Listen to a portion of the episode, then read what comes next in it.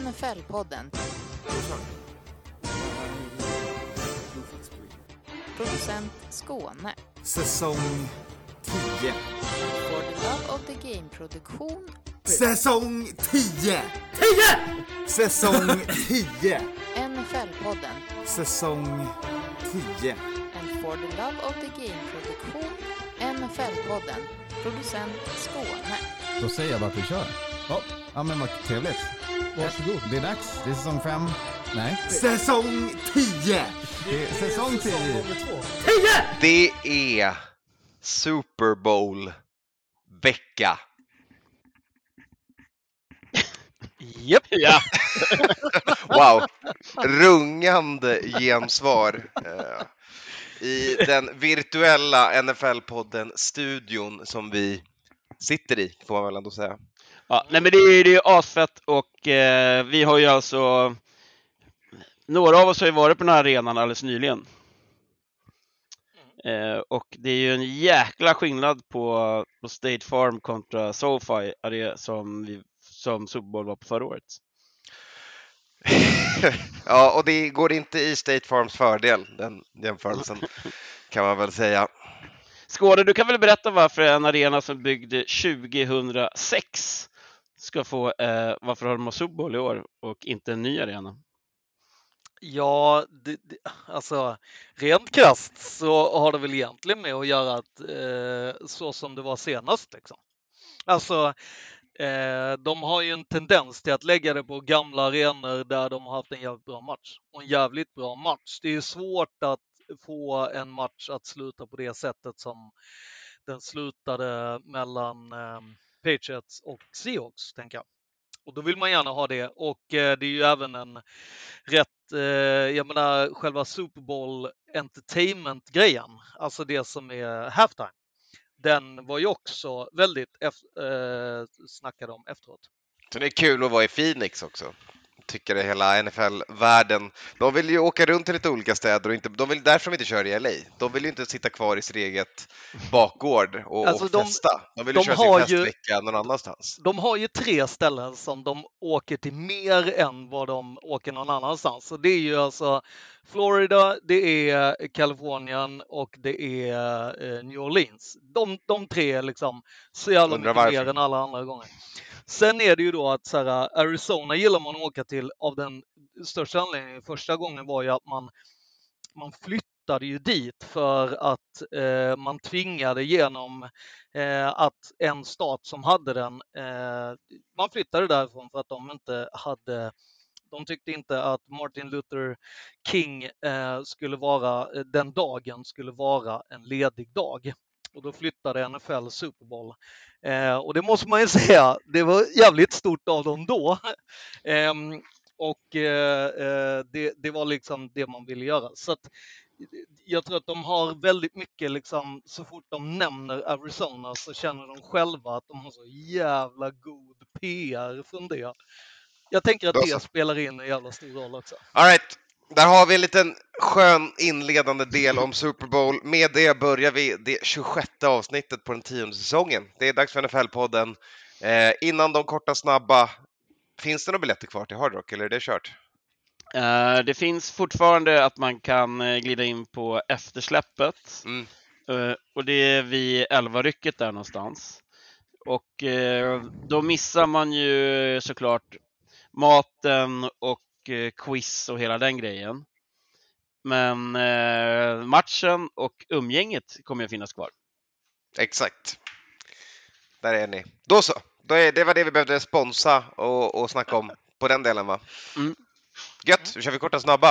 Eh, där börjar vi med att dyka in, ta ett, ta ett litet besök i, i Pro Bowl ändå. Eh, det spelades ju så gott som hela veckan kändes det som förra veckan. Det var lite Pro Bowl-aktiviteter löpandes under veckan. Allt från golfsvingar till eh, flaggfotbollsmatcher och eh, ja, trick-catches och så vidare.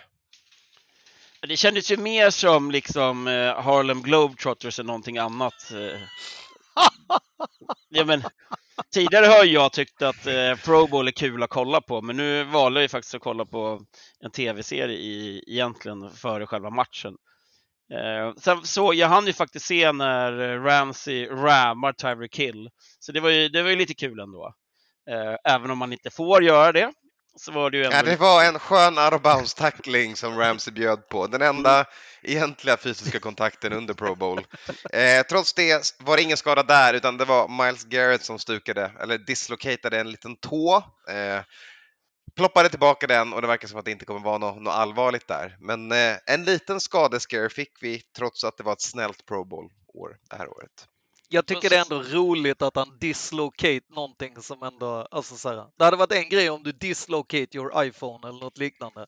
Men din tå på, på något sånt här, nej, alltså, ja.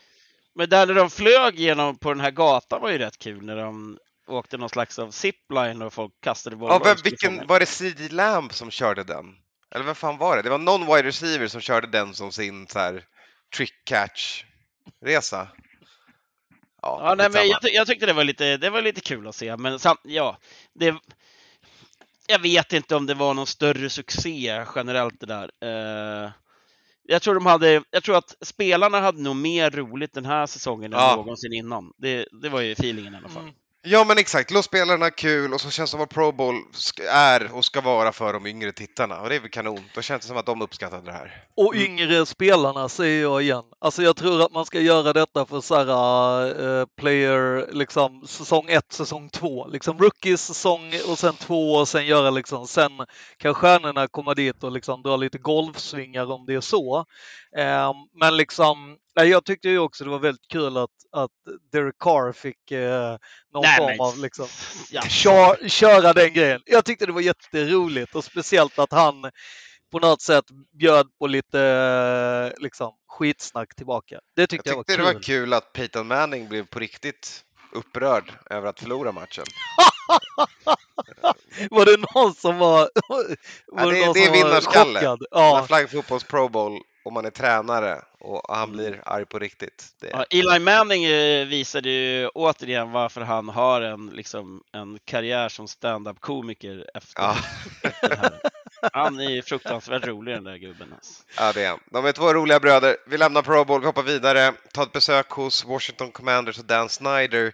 Just nu går ryktet att eh, den franchisen skulle kosta 7 miljarder dollar. Eh, Så en sjua med ett B. Mm. Alltså det är ju Ja, det det, hans, det är hans asking price. Ja, Mm. det är det jag- Dan släpper till media. Exakt, och då tänker jag lite så här, vem vill inte ha 7 miljarder? Alltså, jag vill också ha 7 miljarder. Vill du ha 7 miljarder eller vill du ha Washingtons franchise? Vad 7 väljer du? miljarder. 7 Ja, miljarder! exakt. Och köper ett annat franchise. Ja.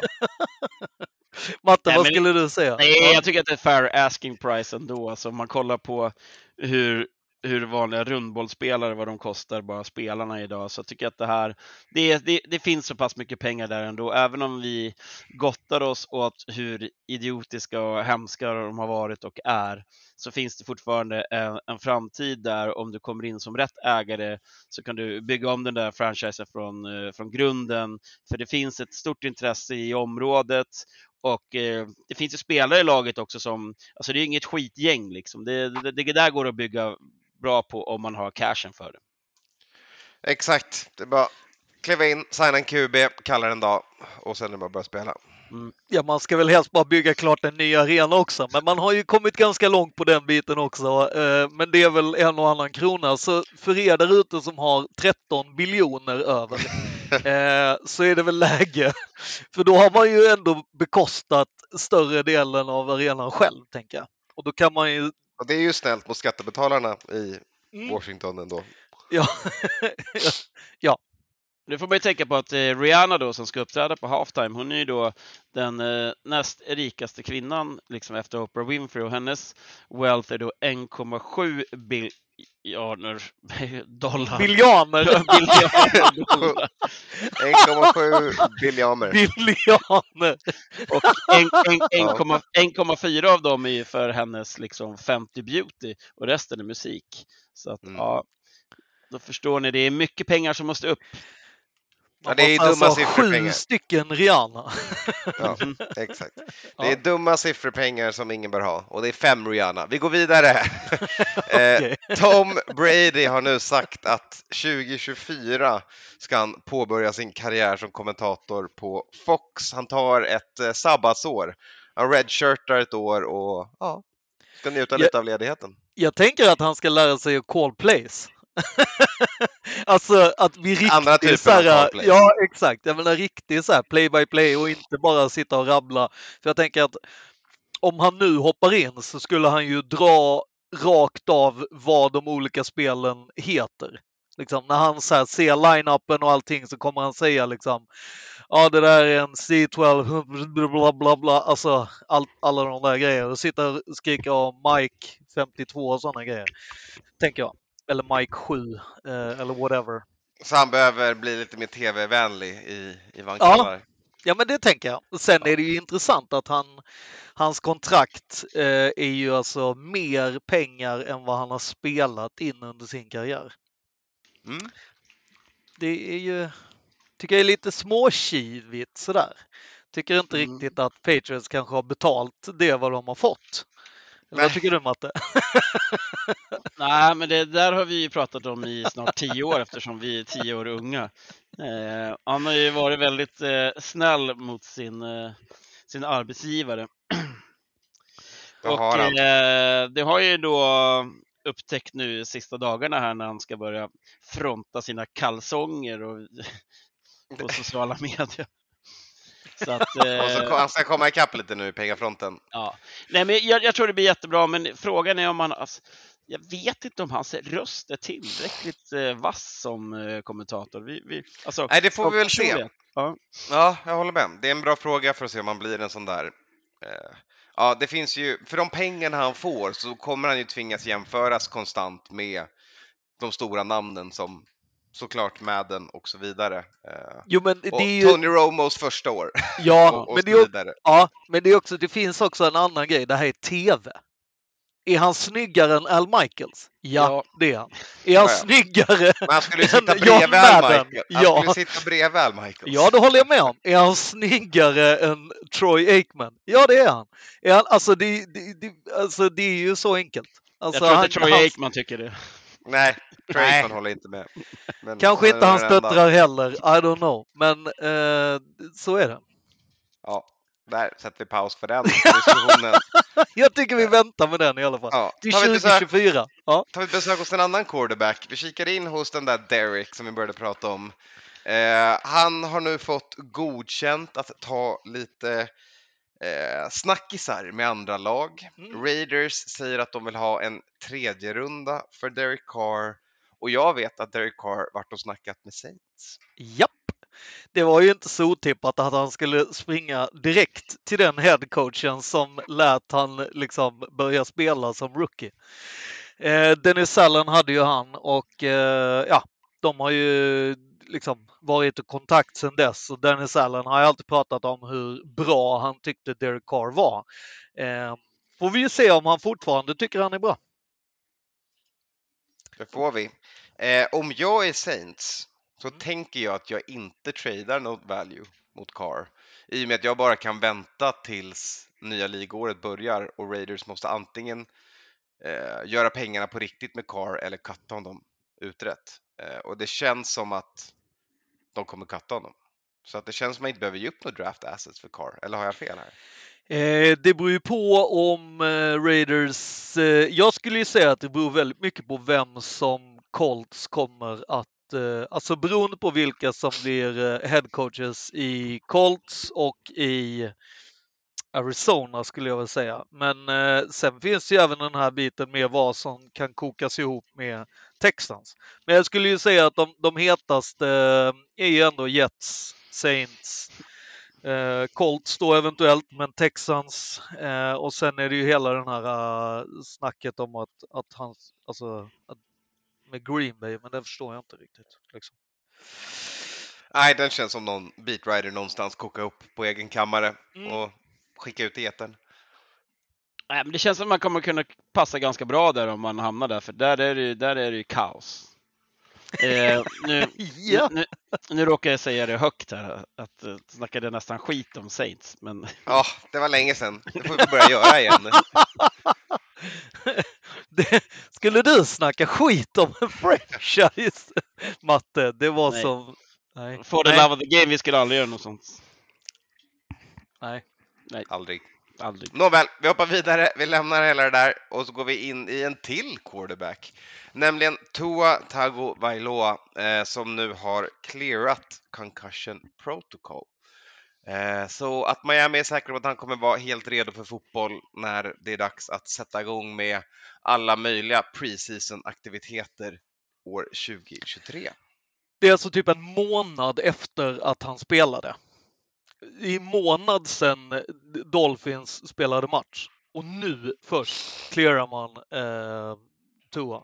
Det är ju för mig är ju detta helt galet. Alltså nu framstår ju Aaron Rodgers kommentar som när han sa ta resten av året eh, och så fundera på om du ska spela nästa säsong. Framstår ju som mer och mer vara det som han kanske borde göra för att läka ihop med tanke på hur mycket skador han haft och så vidare. Alltså jag, I mitt huvud så tycker jag att det här inte... Så här, det här beslutet är ju inte det jag ifrågasätter. Istället börjar jag ifrågasätta alla som clearar protocol på en vecka. Eh, att det är de situationerna istället som är de som bör hamna under luppen. För det här känns rimligt. Det känns som att en månad efter så bara så här, ja men nu är vi helt säkra på att du kan göra en fysisk aktivitet som kan leda till mer huvudkontakt. Som kan leda till en hjärnskakning till. Ja, exakt. Inte så här nio dagar senare, kör! Ja, Men i, men i det här fallet var det väl det som var problemet, att man clearade honom efter 10 minuter och sen efter en Ja. dag och sen Ja, efter tio minuter är också ganska dagar. dåligt. Så att, det är liksom, det är, man byggde ju på den här så pass under, under den där perioden när, när det ifrågasattes vad, vad håller man på med egentligen. Och nu har man ju åtminstone gjort någonting eh, riktigt bra och eh, ja, gett en månad då som Skåne säger. Mm. Eh, ja, det, är ju, det där är ju ingenting att leka med såklart. Eh, när man har varit skadad så, alltså fått de typen av hjärnskakningar han har fått under, alltså ett par gånger under en ganska kort period. Så skulle man nog kanske, ja, väntat ett tag till. Mm. är väl min eh, eh, hobbyåsikt. Exakt. Ja, vi kan fortsätta leka läkare eh, även i nästa nyhetspost vi har med en liten blänkare då om att eh, inte ta medicinsk rådgivning från oss. Det är bara bra att komma ihåg det. Det är inte därför vi är här. Eh, Ja, du kan väl för att- förklara att du är lite snorig och att du inte sitter och gör en massa Miami-grejer där borta. Japp. exakt. Mm. Eh, det är nämligen så att NFL, NFLPAs eh, Medical Director, så deras medicinchef, har varit ute och gjort någonting som aldrig kan bita en i röven. Han har nämligen varit ute och sagt att eh, Damar Hamlin kommer att spela fotboll igen. Pro Jätte- football Ja, igen. Ja, ja, Det garanterar han dessutom. Det Han också för att- garanterar är så Ja. jävla bra ord i Nej, detta. men alla vill ju såklart det här och det är Åh. jätteviktigt och kul om Hamlin mår bra och kan spela fotboll igen. Men det är väldigt dumt att vara en tredje part som kliver in i media och garanterar saker gällande en annan människa. Eller? Ja, alltså, vi, vi, alltså det vi har jämfört med tidigare, det är Christian Eriksen och Mm. han, han, han kom ju tillbaka efter typ ett och ett halvt år. Ehm, spelar väl på ungefär samma level som han gjorde innan, men han är ju också äldre, eller var, eller nu man ska kalla det. Han är ju en, en, äldre, en äldre spelare helt enkelt. Ehm, så att där, där går det liksom inte att jämföra på samma sätt. Ehm, men just det här som du säger, att gå ut och säga att det är helt klart att han kommer att spela, det är ju jävligt dumt. Alltså, Ja, att det är lite för det tidigt för första, att vara liksom medicinsk chef och sen garantera att någon ska spela pro football. Det, allt det där kändes ju bara så här. Vad har NFL sagt till NFLPA att de ska få genom att gå ut och veva såna här helt galna grejer liksom? Men det är inte taget ut något sammanhang utan det här är någon pressrelease eller var kommer själva uttalandet ifrån? Ja, det är ju allting det handlar om att han gick ut och bara pratade om att Hamlin garanterat kommer att spela fotboll igen. Han har gjort, eh, de har gjort eh, sin due diligence med, med undersökningar och allt sånt. Mhm. Och han kunde då genom att ha läst de här rapporterna och sånt eh, gick, gå ut och säga det att han kan garantera att eh, han kommer garanterat att spela. eh, Vi hoppas på det, men vi lovar inget. Nej, vi lovar inte. Vi lovar inte att Jag vill gärna se någonting. rapporterna dock. Eh, skulle jag gärna vilja se. Jag tycker det är poddens koncept. Vi lovar faktiskt ingenting. Exakt. Och vi sysslar med entertainment. Är också, vill jag bara så. Ja, och ibland även det går att ifrågasätta. Vi går vidare. Eh, hjärnskakningar har varit temat. Eh, hjärnskakningar fortsätter vara temat för NFL. De har faktiskt släppt statistik om skador och hjärnskakningar säsong för säsong. Eh, och man ser att eh, generellt sett är, ska, är det fär, var det färre skador som skedde eh, det här året jämfört med förra. Mm. Eh, men hjärnskakningar diagnostiserade, ska understrykas här, har ökat med 18 procent. Eh, Ja. och det här känns ju i min bok som ett väldigt tydligt exempel på för att återigen göra någon random kille på Twitter arg och dra paralleller till svensk politik. Eh, Oj, oj, oj. Känns det här som en situation när man börjar eh, helt enkelt göra det möjligt att rubricera saker som ett brott eh, och därpå börjar statistiken öka för att man gör det lättare att, att visa på att det är ett brott som har skett. Eh, det vill säga, det här har alltid hänt, men nu kan vi se det i statistiken för att vi kan diagnostisera det för att NFL har kommit tillräckligt långt. Ja, men därför man inte har sagt att det har varit hjärnskakningar innan. Man har inte haft folk som har pekat ut och sagt att den här killen har en hjärnskakning, utan har man liksom, har det varit för wobbliga ben, då har personen fått vänta lite vid sidlinjen tills det slutar wobbla i benen. Och är det så att man mår illa så får du kräkas lite och sen så kan du gå in igen. Alltså, det är ju lite de bitarna man lite har skitit i liksom hjärnskador generellt och sen då, ja, mer helt enkelt. Så att det, det är väl lite så här nu, nu eh, finns det någonting som är hjärnskador om man kollar på det här med hjälmarna och då kollar man ju även med att följa upp allt det. Ja men exakt, för det här kommer ju troligtvis få önskad effekt. Mm. Att NFL nu kan säga att det här går upp med 18 procent kommer leda till väldigt mycket mer frågor och de kommer, tror jag, tvingas fortsätta utreda på hur man förbättrar arbetsmiljön för spelare och få ner antalet hjärnskakningar med hjälp av antingen regelförändringar, mest troligt förändringar i hjälmarna, eh, men också sånt som helt enkelt påverkar frekvensen av hjärnskakningar. Ja, Det är ju vad jag tror. Jag tror också att man kommer nog föra in någon form av asterix liksom före och efter man började med eh, för att på något sätt eh, ta bort det här med att få allt för många som ragear över att det har gått upp med 18 procent. Japp. Eller ska vi skylla på covid? Ja, det är väl, det är väl skylla på va vaccin och covid. Då, Fråga då, är vi inne på det djupa vattnet. Den djupa staten. Ja, vi är korta snabba så jag ska inte in på det djupa än. Eh, däremot ska vi lägga locket på för de korta snabba och istället ta oss rätt in i ny på jobbet. Och det här har jag suttit och, och längtat efter att få prata om. Eh, men innan vi kommer till killen som är ny i lila så måste vi prata om lite andra tjommar. Så vi, vi gör väl det. Eh, Betar igenom dem. eh, vi Och det, börjar... finns, det finns ju även en kvinna vi ska prata om, så det är inte bara tjommar. Sant. Sant. Eh, men vi börjar med Josh McDaniels och Raiders. Eh, som nu anställer Scott Turner som passing game coordinator. Eh, Skåne, du har eh, signalerat ut den här och en annan som vi ska prata om senare som nepotism hires. Eh, vi vet ju att i coachingstaberna så alltså, är det ju det är ju hjälpsamt att ha vissa efternamn. Men ty tycker du inte att detta är nepotinism?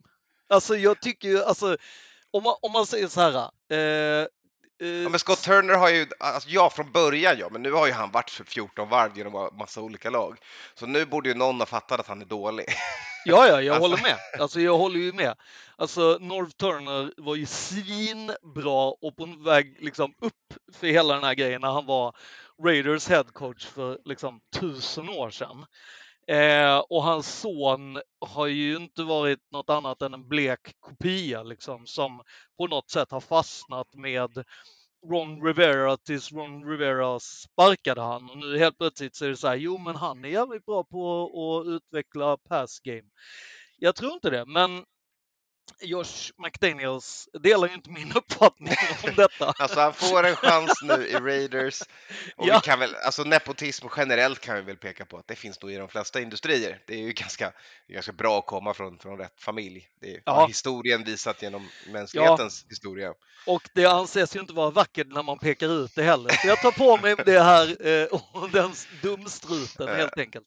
Men eh, ja, vi ska... Ja, jag, jag Ja. gillar den andra du har pekat ut också, och det är Shotty. eh, Brian Schottenheimer, ny OC i Cardinal, eh, tjena, i Cowboys. Ja. Eh, Mike McCarthy kommer fortsätta kalla plays. Och ja, Brian Schottenheimer har vi inte haft en drömkarriär. Alltså, om, Nor- om Scott Turner har haft en, en svårare väg än sin pappa så har Shotty Junior haft en riktig utmaning i att eh, hitta respekt som eh, offensiv hjärna i NFL. Ja, Eller? Ja. Ja, Ja, alltså, men det, det ja, passar, ju, passar ju att hamna i, i cowboys då. Mm. Jag har Alltså, inga problem han- alls. han ska vara OC utan några play calls. Och dessutom så är han ju där på grund av att hans farsa var den som, som liksom eh, lärde upp eh, Mike McCarthy. Så att det är ju liksom, det här är ju en sån här riktig, eh, liksom eh, Sean McVay, Gruden-familjen där, där liksom papporna eh, anställer sö sönerna av varandra och fram och tillbaka hela tiden tills det liksom... Exakt, för då är det tekniskt sett inte nepotism. Helt riktigt! De går ju Jajamän. runt systemet. Ja, Exakt. snyggt. Eh, ja, fint. Ja. All right. Eh, sen har det varit rejäl huggsexa om ett gäng defensiva koordinatorer. Eh, det började den här veckan när, till min stora misär, eh, Ejiro Evero tackade ja till att bli defensiv koordinator i Panthers. Han hade tidigare intervjuat med dem eh, som head coach, inte fått jobbet när Frank Reich tackade ja till det och då tänkte jag att han skulle ja, men säga tack men nej tack. Liksom. Ja. Eh, men Stay så blev inte fallet. Eh, till sist när eh, Broncos och deras nya eh, härliga coach eh, valde att låta Ejiro intervjua på andra platser. Eh, då skulle han intervjua bland annat på, hos Minnesota och lite andra lag. Eh, men innan det blev av så valde han att egentligen bara tacka ja till Panthers som han redan hade intervjuat med fast då en HC-intervju. Eh, så Ejiro Evero, ny DC hos Panthers, klarhet till klarhet. Går från en bra secondary till en bra secondary. Alltså han är ju, han är ju inte rädd av sig direkt. Alltså, det går, alltså gå till Panthers är ju livsfarligt. Alltså det, det, det, det är kort, kort tid där om du är dålig. Alltså. Och jag exakt, och jag tänker att liksom den du efterträder är ändå Steve Wilkes som alla tycker har gjort liksom ett jävla mastery jobb. Och liksom, nej men det, han är tuff. Jag gillar det. Han är ju ruggigt bra. Så att eh, jag är glad att han inte är kvar i Broncos på det sättet. Något mer om Ejiro? Tror du att det kommer gå bra för honom? Ja, Det är jag övertygad om. Går det bra för Eh, Panthers? Ja, det tänker jag också. Alltså sen får vi ju se. Long Frank- term, ja. Alltså Mm. Frank Reich har ju eh, en hel del. Han har ju bitit av en ganska stor tugga, så kan man ju säga. Frågan är Mm. om det är för mycket eller inte.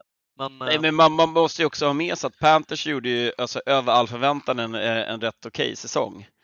Eh, Man var inte helt avsågade med tanke på att man skickade då McCaffrey och, och lite annat. Och till head coach. Eh, och ändå med och liksom hugger om en slutspelsplats i slutändan. Liksom. Mm. Så att eh, det, är, det, är nog ganska, det är ett ganska intressant lag att hålla koll på framöver tror jag. Japp, vi får se hur det går för Frank Reich som får sin andra chans. En av få coacher som blir anställd som head coach igen efter att ha fått sparken som head coach mitt i säsongen. Eh, säger jag utan att ha statistik på det, men det känns som det. Eh, all right. Eh, Steve Wilkes var där tidigare. När det gick så bra för Panthers var det mycket tack vare Steve. Eh, som tack för det blev han inte head coach. Istället så kritar han nu på på drömjobbet i NFL. Han blir defensiv koordinator hos 49ers. Mm. 49ers fortsätter att och, och eh, samla på eh, headcoaches eller före detta headcoaches. De har ju redan eh, gamla Chargers, ehm, ja, han som var innan Brad Staley, jag glömmer alltid bort hans namn. Men ehm, ja, ytterligare en i, i, i truppen så att säga. och ja, det, det det borgar ju för att eh, 49ers kommer vara tillbaka i eh, NFC Championship nästa år igen. Ja, men eh, det ser ju bra ut för dem. De har lite mer kontraktsjobb att göra. Det är ett gäng spelare på deras livsfarliga linje som de behöver krita på. Så de har lite mer jobb att göra den här offseason än Niners. Eh, men när man tapp, har tagit två år i rad, typ va? Eller på tre år tappar Sala och nu tappar Demico Ryan. Mm. Eh, och krita på med en ny headcoach-kaliber. En defensiv koordinator som är så bra att folk vill ha honom som headcoach. Mm. Det är ju... Farligt. Det är trevligt. det är trevligt och farligt, men samtidigt så är det ju också det. Det är ju ett... Har du ett bra GM eh, och, och det som kan liksom förnya eh, talent i draft och free agency så du har någonting att jobba med och du har bra coacher som kan coacha så är det ju liksom, ja, då blir det ju så. Ehm, vi har ju hur, sett hur, samma saker på, på, för Patriots. Ja. Jag vet inte hur många liksom, defensiva koordinatorer och offensiva koordinatorer som har gått därifrån. Nej, men det är, det är, de, de bra lagen är ju en plantskola liksom, och det, det är så det blir. Men här handlar det ju, alltså att inte Niners återigen tittar på, på sin sin skadehistorik nu tre, fyra år i rad och inte liksom gör någonting åt det istället. Det, där borde man verkligen jobba hårt. Det har jag sagt ja. hela tiden med strength and condition, hitta någon liksom lösning på de här problemen för att det, det är det som gör att, eh, som sätter käpparna i hjulet för att man inte spelar Super Bowl i år. Ja, ja det är återigen skadorna för Niners. Eh, men eh, på tal om gamla Patriots, eller coacher som går i Parcells-trädet kan man väl säga. Så eh, Brian Flores till Minnesota Vikings. Eh, Kul blev väl superkul. Mm. Mest känd från sin tid i Patriots där han klättrade upp i rankerna under Bill i många, många år. Eh, är ju då också skolad i hela liksom Parcells, Belichick, Simmer. Aggressiv, flexibel, eh, typ av spelstil på defensiva sidan eh, och en ganska eh, eh, beslutsam karaktär i hur han ser hos sina spelare att göra vissa saker. Eh, tror han kommer passa skitbra in med Kevin O'Connell. Tror att det blir två bra röster i det rummet. Han är bara 41 år gammal, Flores. Det mm. trodde inte jag när jag läste på det. Jag tänkte att han var 50 plus. Eh, han är bara 41. ja, eh, han är ung. Han är ung. Och han, är ju, eh. han gjorde ju också Miami, eh, allt Miami har varit i år har ju varit minst 50 procent eh, Brian Flores. Ja, alltså, men precis. För, för det jag inte han säga var ju att han var ju headcoach där i tre år. Ja, och det var ett jävla arbete han gjorde där. Mm. Det var ju att bygga om Dolphins från att vara ett, ett strykgäng till att vara alltså svinbra på defensiven men inte funkande. De fungerade inte riktigt eh, offensivt helt enkelt. Och det skulle jag inte säga låg på hand. Liksom. Nej. Eh, sen hamnade han i trubbel med ligan när han valde att, eh, eller ligan hamnade i trubbel med honom eh, när han valde att stämma Miami och ligan för diverse oschysst beteende eh, relaterat i situationen var att Bill Belichick eh, trodde, blandade ihop honom och Brian DeBole och gratulerade en av dem på en coachingroll de hade fått som båda intervjuade för innan beslutet var taget, mm. eh, vilket kastade användning av Rooney Rule eh, för NFL i, i mörkret så att säga. Ehm, det gjorde att många lag trodde att ingen skulle våga ta, eller många trodde att ingen skulle våga ta i honom, eh, men eh, såklart är det Mike Tomlin som kliver in och Eh, Flores var på den staben hos honom och var assisterande HC eh, förra året hos Steelers. Senior Defensive Assistant. Ja, just det, så var det. Så. Ja. Senior Defensive Assistant. Men jag tror ju också att det är mycket, mycket Tomlin som har pratat gott om Vikings-organisationen för Brian. Eh, Så att det är ju liksom, Det känns skitkul att få tillbaka någonting Mm. för äntligen.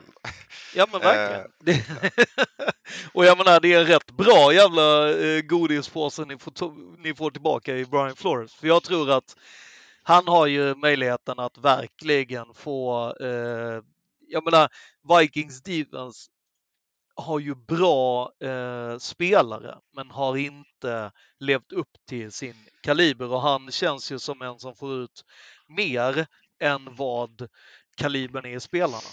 Eh, så att det är ju liksom... Och det behövs jag- med den secondary som är full av unga, hoppfulla och eh, lite gamla slöa. Så att, eh, det blir mycket arbete för Brian. Vi ser fram emot det nästa år, vi i lila. Eh, Så hoppar vi vidare eh, till kategorin Välj en kandidat som ingen annan tänker på, eller som ingen annan siktat in sig på. Eh, Det är Saints. Eh, De tänkte fan den där Joe Wood som Brown sparkade, det var ju dumt av dem. Eh, Så att de eh, kliver in och kniper honom som deras nya defensiva koordinator. Mm. Eh, lite så här, har någon valt dig? Nej, okej, ingen snackar med dig, men då kan ju vi snacka med dig, vi tar dig. Bara så här. En intervju, ingenting mer, klart. Hej. Eh, mer fokus på Derek Carr istället för Saints. Exakt. Det måste varit en jävla bra intervju om Dennis Allen bara, jajamän, Ja, det är alltså, killen som ska hålla min clipboard. ja, typ. Eh, kommer du säga emot mig när jag vill ha göra det här och det här i de defensiva grejen? Nej, det kommer jag inte. Okej, bra, du är anställd. Eh, jag vet inte hur det går till i de här intervjuerna, men eh, ja, vi kan bara snacka. Eh, Det är amerikan, amerikansk försäljning rakt upp och ner. exakt. Ehm, Titans promotade de egna leden. Eh, de hade ett gäng intervjuer planerade med diverse eh, spelcoacher från eh, bland annat lag som är i Super Bowl och så vidare. Men de väljer att istället promota i de egna leden. Det är Tim Kelly som går från passing game coordinator till offensiv koordinator. Eh, och återigen är Eric Bienemy ett kandidatnamn som inte blir en coach någonstans. Men jag tänker att det var jätteenkelt. Jag tänker att så här, eh, ska vi försöka få någon eh, som är i ett jättebra lag som spelar Super Bowl att gå till oss som kanske inte är ett bra lag, som inte ens har en quarterback, som inte är, alltså hur het är man på marknaden? Okej, Okej, vi är inte alls heta. Vi får fan ta en kille som trots allt vill vara här eh, och ändå gjort halva jobbet så kanske han kan testa på att göra hela jobbet. Jag Ja, tänker det att de har hjälper. tänkt lite så, tänker jag. Och de tänker att fan, vi har ju Henry, även om han börjar bli gammal. Man behöver inte göra så mycket jobb där. Exakt. Det löser sig. Mm. All right. Eh, vidare på samma kategori. Eh, Patriots eh, skickar in Adrian Clem som ny O-line coach. Eh, han eh, gjorde det som, eller han var i Oregon i college och var run game coordinator och assis, associate head coach. Mm. Det är vissa som slänger sig med den istället Var en, var en duck? Japp, så har han Anka till O-line coach. Mm. Ja, så tappar vi tight end coach också. Så att, eh, ja. Ja. Nej, men det är väl, eh, där har jag, jag har ju aldrig någons, någonsin haft någonting att liksom ifrågasätta när det kommer till det där. Inte ens Patricia, men jag vet att alla andra patrioter inte gillade Patricia. Så att eh, det låter väl jättebra tycker jag. Kanon, lite nytt blod in där och Mm. Patriots O-line brukar ju vara bra. Ja. Eh, Bills. Ni har ju haft jävligt bra o-line coach, så är det ju. Ni har haft en av ligans bästa i typ miljarder år tills han själv blev en miljard år och Ja. då måste man ju ha in nytt blod. Men det enda jag tänker är så här, varför tror du att eran tight end coach sticker? Varför jag tror det? Ja, det är ju inte klart.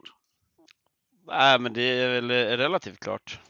Med Ja, jag ska inte säga vart, men det, det lutar väldigt mycket åt han är, han är så pass vass. Okej. Han är Ja. ute och, och, och flörtar med, med det mesta liksom. Och det, då brukar det lukta att eh, man drar. Om man inte är Josh McDaniels då. Som till slut drog. Exakt. En gång till. All right, för Bills, eh, Al Holcomb kliver in eh, hos dem. Han var tidigare interim defensiv koordinator eh, för Panthers. Han blir deras nya senior defensive assistant. Jävla mycket titlar det finns i coachingstaberna. Eh, Jag tänker att han blir den som Sean McDermott ska liksom bolla sina tankar om liksom långtgående strategiska eh, defensiva schemes. Så tänker jag. vad, ska, men Leslie Frazier är ju där. vad ska han säga är Leslie?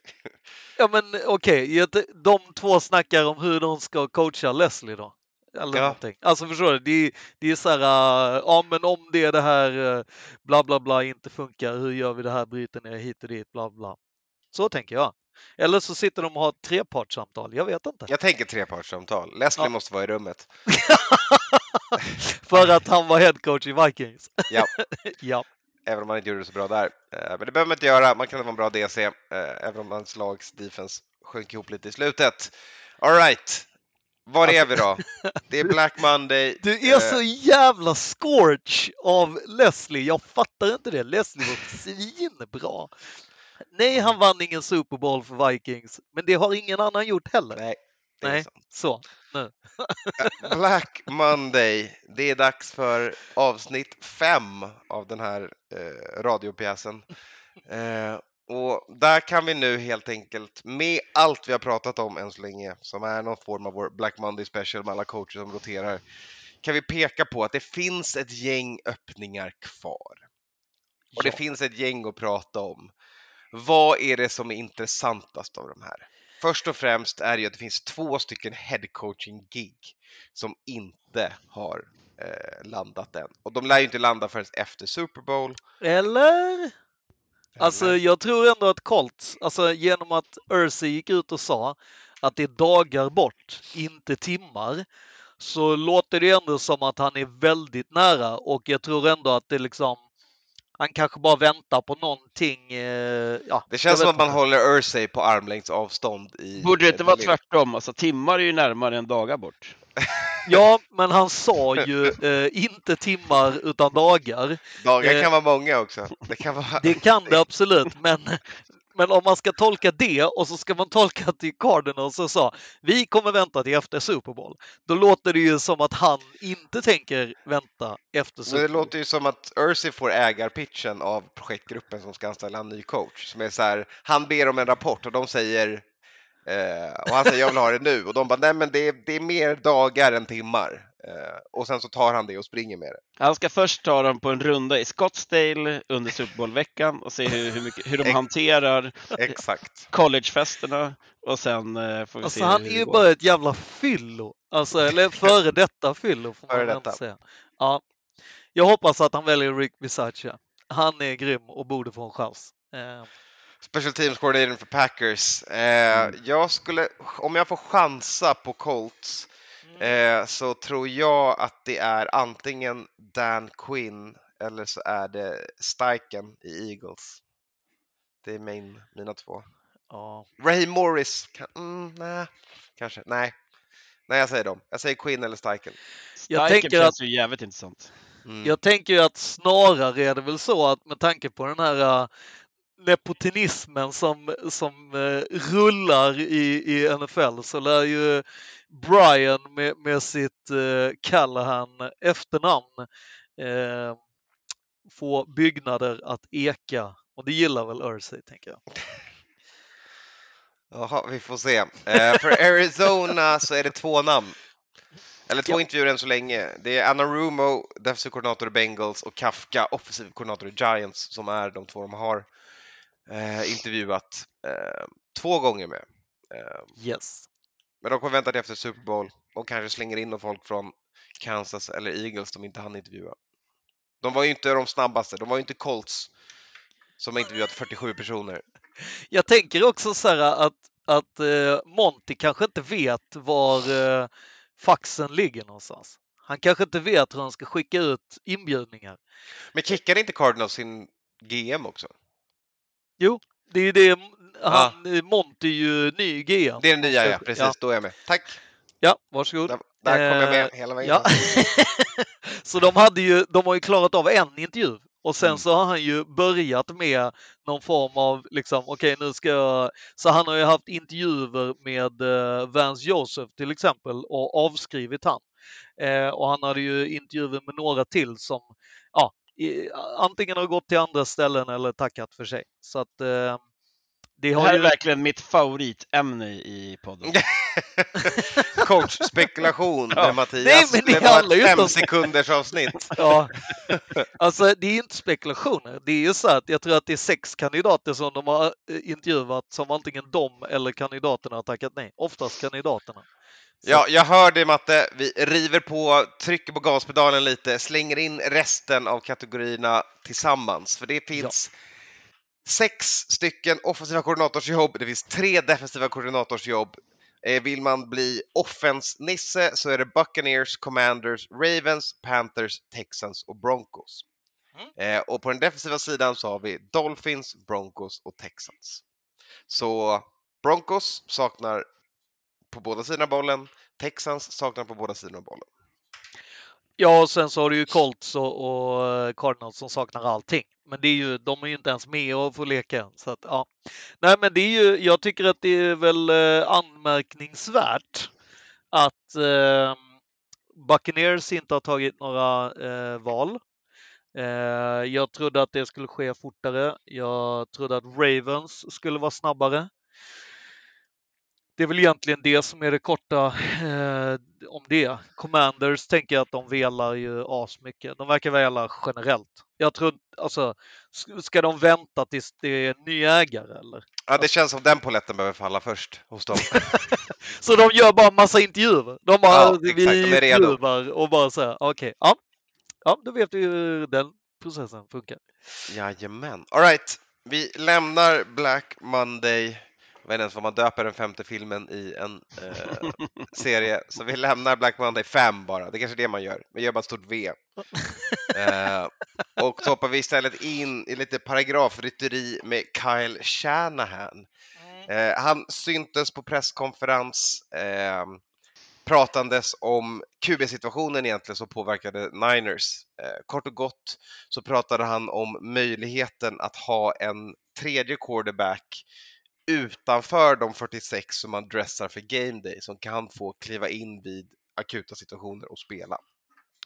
Det vill säga- Ja, det vill säga allt som hade gjort matchen mellan Eagles och Niners rolig att titta på.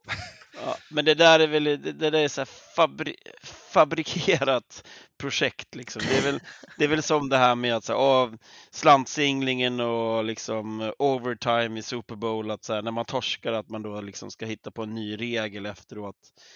Äh, har du inte liksom staben och laget klart, då får du skylla dig själv. Kan du inte hålla dem friska får du skylla dig själv. Hitta på massa nya regler. Ja, jag gillar inte den grejen. Vad, hur många QBs har de snurrat på den här säsongen, Niners? De har haft tre startande. Mhm. Ja. Mhm. Men, Hur många Ja, ska, de, eller, ha- ja. ska de ha? Sex stycken då? nej, men det är ju alltså det som är är ju, alltså jag kan ju förstå vad han menar, men det är ju liksom den här regeln kommer ju alltid upp så fort som, jag menar Miami började ju vifta med den här också när Tua blev skadad, när eh, Teddy blev skadad och man bara hallå vi måste ju, ja men Broncos när de eh, blev av med alla sina quarterbacks för en, en säsong sedan eller två. Då var det ju likadant. Hallå, vi måste ha fler. Vi måste kunna få spela sju liksom. Och det är ju så här, alltså. Det är ju tillbaka till den biten att säga okej, men då kanske du måste dressa sju stycken quarterbacks. Alltså om det är, s- om man ska spela på det sättet. ja, men kanske att man får ha tre på sitt roster. Och, alltså, man behöver, alla lagen ha- har ju verkligen börjat med nya practice squad-reglerna optimera vilka 63 eller har man större practice squads nu fortfarande också? Skitsamma, Ja, vilka det har det. 60 plus? Det är den här Person- säsongen, men inte nästa säsong. Och sen är det ju så, spelar du en internationell match som, eh, som eh, 49ers gjorde så har man en spelare till. Just det. Eh, men man är fortfarande så jävla lean and clean med att man vill ha massa spelare på alla positioner som inte är QB. Sen så har man två QBs på rostret, en på practice squad. Det är dags att börja ha fyra QBs.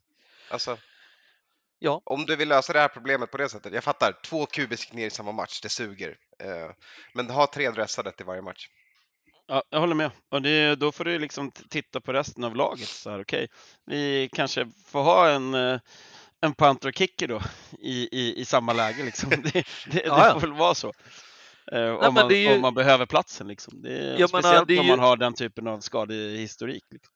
Det är ju precis där vi är inne på. Eh, alltså, jag menar, Patriots använde ju Tom Brady när han var, eh, i, till och med när han var startande quarterback, så var han holder för eh, kicken då, som också var panter när man behövde. Och det är ju ett sätt att liksom få till eh, fler Saftiga trick plays. Ah, det... Jag tror inte, Det- finns... jag tror inte det är där du vill, vill, vill skada Brady. Vi tänkte vi ska göra att du har noll protection den här gången. Hur låter Ja. det? Ja. Men, men vad är det som gör att man inte kan ha större trupper då generellt? Liksom? Är, det, är det cashen eller var, var, var någonstans hamnar vi i, i, i den liksom, om vi ska vara Ja, lite allvarliga? Nej men det är cashen. Det är ju rakt Mm. av. Det är ju så att eh, NFLPA vill ju ha, eller de har ju eh, veteran minimum och du har ju rookie eh, minimum och så vidare. Och Ja men exakt, och ägarstaben vill eh, inte betala ut för mycket löner och Nej. en till på varje lag kostar mer pengar. Ja. Eh, Som på vilket jobb sen- som helst. Ja, Yes. exakt. Och sen är frågan liksom hur många hur många special teamers behöver man på sitt roster? Liksom? Man kan släppa en till. Eh, sig Ja, de som går sönder mest, så att, ja. Ja, Det är svårt alltså- såklart, men där har man i alla fall en squad att ta på mer. Ja, jag tycker också att så här, du, alltså, jag menar när eh, Vikings gamla eh, general manager, när folk kritiserade dem för att de hade samlat på sig, som folk beskrev det, eh, med eh, Sam eh, Bradford, med Teddy och eh, Case eh, Keenum. Case Keenum. Case of Case of beer. beer! Keenum. Eh, och så efter säsongen eh, när den var klar så var det så här, jaha, men hur visste ni att eh, ni hade behövt ni skulle behöva tre quarterbacks? Och då sa han ju helt allvarligt, nej men vi har ju suttit och kollat igenom och sett att så här, okej, de här han förklarade ju väldigt mycket som Moneyball. Att säga, ja, men Sam Bradford har bara si och så många matcher i sig. Men han kommer göra det väldigt bra. att göra Kolla det. på hans knän när han är ute och går. Liksom. ja, men, exakt, ganska lätt. Man Det hör att skulle- det skrapar liksom, i knäskålarna.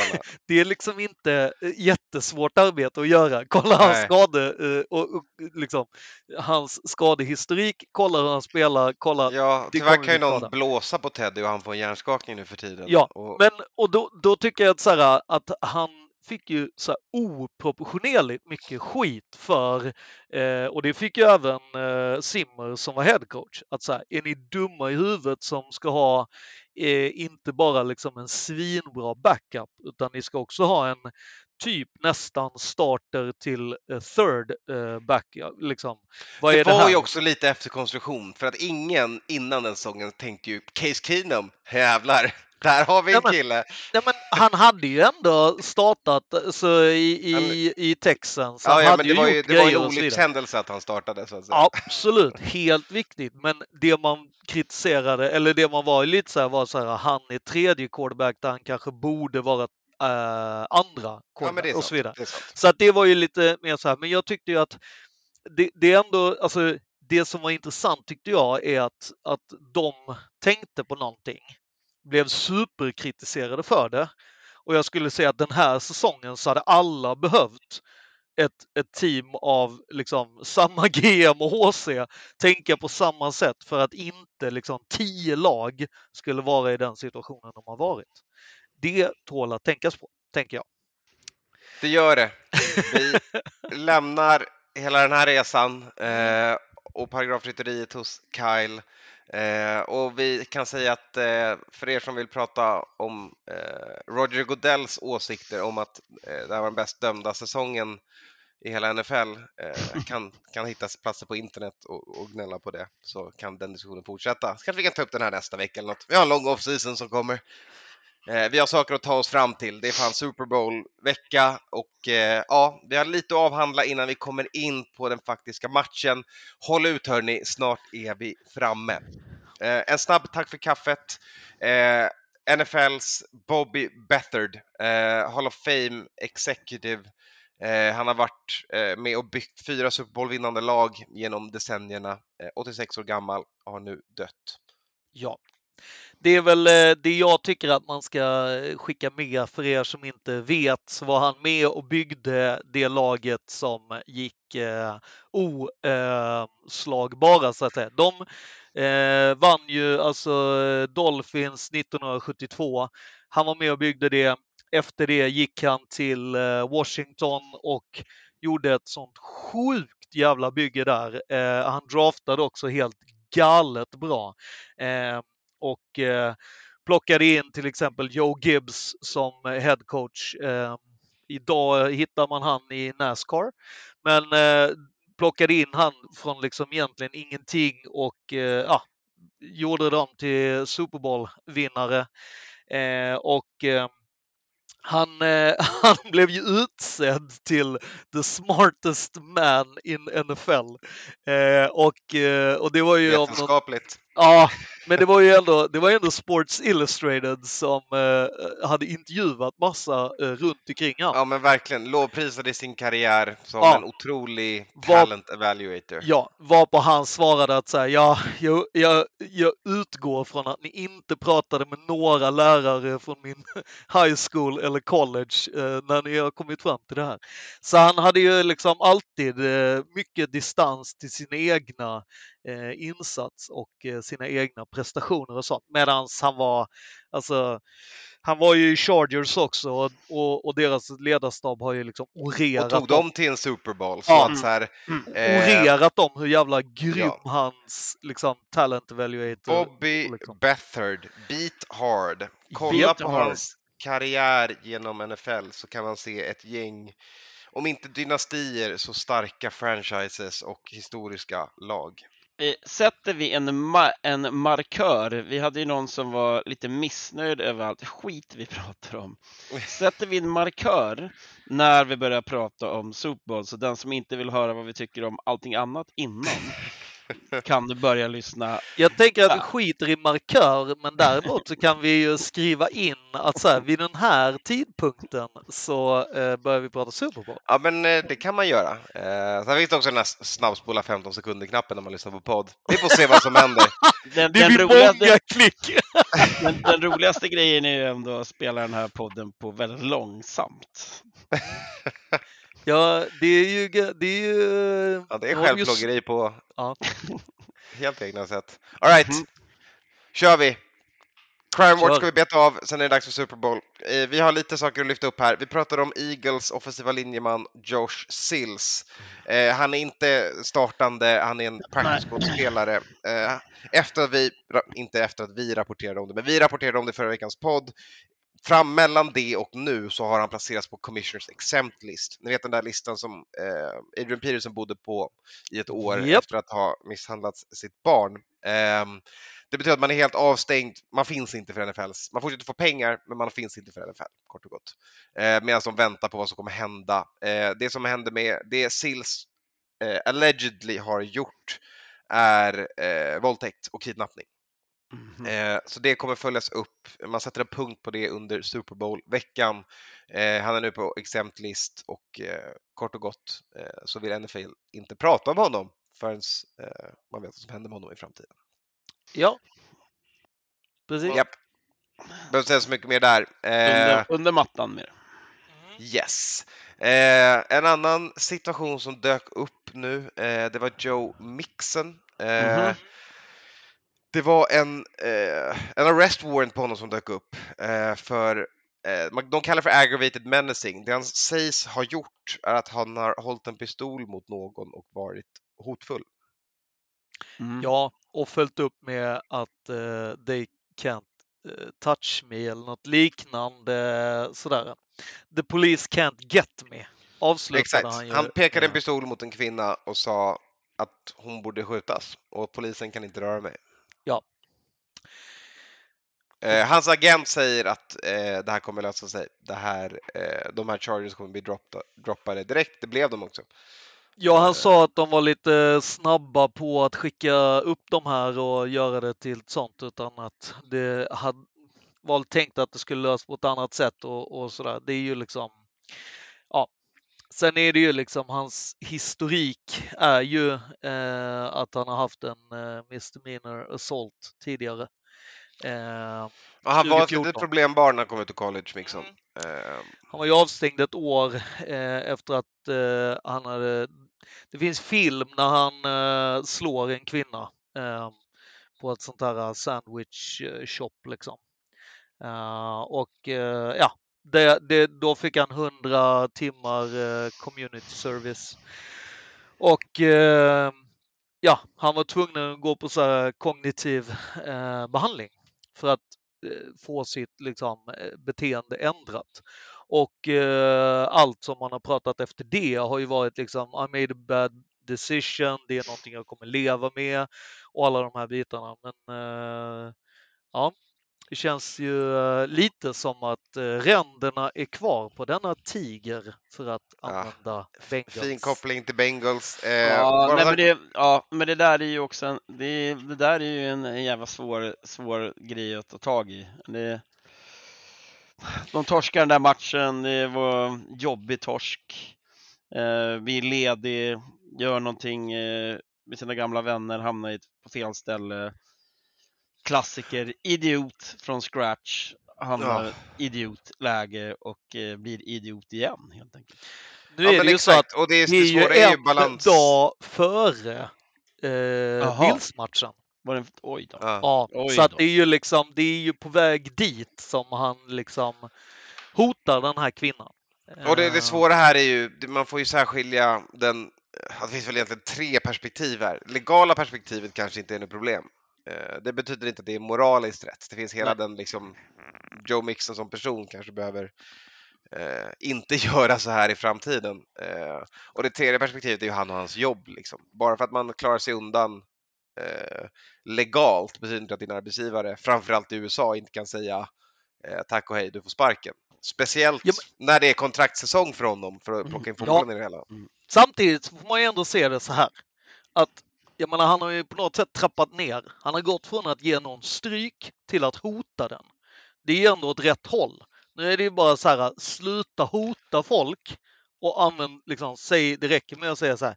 Nu tycker jag att du är väldigt dum. Du behöver liksom Jag inte har, hota jag dem har livet. aldrig vetat hur man ska använda det här uttrycket, så jag slänger in det här och säger att the road to hell is paved with good intent. Får vi se om det passar. Eh, Och med det så hoppar vi vidare till vår sista här eh, i Crime Watch. Det är Vontae Davis, eh, tidigare cornerback, känd för sin tid i Colts framförallt. Mm. Eh, arresterad för en till Crime Watch-klassiker, en DUI i Florida. Ja. Jag Aldrig hänt den, förut. den, den säger ju allting som behöver säga. Det enda som jag är chockad, det är, det är ju var är pistolen? Var är Marianan? Det är ju det enda jag har letat efter i den här nyheten. Och den fjärde frågan, var är pizzan? Japp. Ja. Marianan är så pass laglig nu så nu behöver vi inte bry oss om det. Nej, exakt, äntligen. All right. Vi klarade det hörni. En timme podd senare, det är dags att prata om den här matchen som hände på söndag. Mm. Då kör vi Super Bowl. Yes. Huh. Heja! All right. Vilka ska döma? Vi börjar där. Ja, Domarkron. Rattla av dem Skåne, vilka har vi? det är ju eh, Carl eh, Schieffers, eller Sheffers, som, som är... Det är ju många som inte gillar det här. Fan, nu kändes det som jag dödade det här programmet precis. Men- Äntligen Super Bowl, här är domarlineupen. Ja, alltså det är ju... Vi, vi nämner bara Carl Sheffers och ett gäng andra människor. Ja men säger vi. alltså det är ju så här, det är ju, alltså Roy Ellison är svingrym, eh, Jared Phillips eh, och sen har vi Jeff Bergman som eh, även han har kört två Super Bowl tidigare. Eh, side Judge är Eugene Hall. Eh, Vem är umpire? det- Eh, umpire är ju Roy Ellison, Ah, han är ju grym. Perfekt. Ja, Eh, perfekt. Och eh, Jeff Bergman är line judge. Vi har eh, eh, första Superbollen någonsin för John Jenkins som är field judge. Och eh, replay official är Mark Butterworth. Man hoppas att det är riktigt med smör i örat på dessa Jajamän. judges. Ja. Jag, all sitter, right. jag sitter på statistik här. Mm. Okej. Eh, och det är ju så att när vår Sheffers här dömer matcher ja, så blir det väldigt mycket penalties. ja, Det är väldigt många Han som är en inte så gillar kallad han. flaggviftare. och, japp. Han gillar eh, tvätt på eh, planen, så att säga. Mm. 78 procent eh, av hans matcher är alltså över 11 accepted penalties. Mm. Mm. Så att vi Det är kan bra. räkna med en lång match. Ja. Det uppskattar vi, det gillar vi. Det känns som att du, du vill bara snabbt lämna det här, känns det som. Eh, Ja, domarna ja. Vi måste prata om underhållningen också. mm. Vem ska sjunga nationalsången? Alltså, jag, jag må bara sista grejen, så måste jag säga om Sheffield. Eftersom att, eftersom att eh, Kalle inte är här så måste jag ju ändå säga vad han tänkte säga. Och det är ju att han var ju den som dömde så att San Francisco förlorade mot Kansas City. I'm just saying. I'm just saying. Det är ändå liksom, så, så han är tillbaka igen och, och ska väl försöka ge Kansas City en vinst, tänker jag. Nu, vilka är det som ska sjunga och vad, vem ska göra vad? Nationalsången, det är Chris Stapleton. Han har vunnit åtta Grammys och ändå har jag missat att han existerar. Är det här honom eller? Tennessee Whiskey, hans stora hit. Okej. Ja. Nej, men det är en, Ja, country, hör. det är, det är en countrystjärna och det, det är väldigt eh, unikt faktiskt i, i, den, i NFLs Super Bowl-historia att en man sjunger nationalsången. Ja, Eh, men ofta, ofta, är- oftast kvinnor. Ja. Mm. Eh, och eh, vi hade ju då, här har vi en kille med gitarr och ja. cowboy, cowboyhatt. Eh, sen hade vi då Billy Joel körde ju en gång i tiden med piano på scenen. Den kortaste nationalsången någonsin tror jag. En minut och 39 sekunder. Japp. I år ligger linan på 125,5 sekunder. Och varför är bara är den... Varför är den Pound the under på den alltså, är säger? Det pound Nice! ounce. Gratispengar! Alltså, Tar vi in en matematips betalvägg tips Japp. här, rätt man in i vanliga ska komma podden. ihåg en sak nämligen. Varför ligger den på 1,25? Komma Alltså en, ja, varför ligger det, varför ligger eh, att det är på en minut och 25 sekunder? Ja, det är två minuter i och för sig, men Ja, men varför, varför är... Ah, Mattias Sjödin. Skåne. Mm. Ja. Va, de, för det är ju så att han eh, är ju i kategorin country. Mhm. Och kategorin country har tre stycken som eh, har sjungit nationalsång. Och eh, generellt så sjunger kategorin country nationalsången på en minut och 25 sekunder, eller en minut och 35 sekunder. Det går alltså jävligt fort. De, de river av den, kort och gott. Det är inget stå kvar och waila det och så håller de lite högre tempo också. Så det är ju Men en eh, ruggig under som, som Matte är inne på. Det är inte det enda vi kommer höra. Eh, sen kommer även eh, Babyface Mm. Sjunga. klassisk R&B. Ah, yes, sjunga America the Beautiful. Mm. Eh, och sen får vi Cheryl Lee Ralph som kommer sjunga eh, Lift Every Voice and Sing. Eh, så att eh, en stabil inledning så man kommer känna sig redo för match.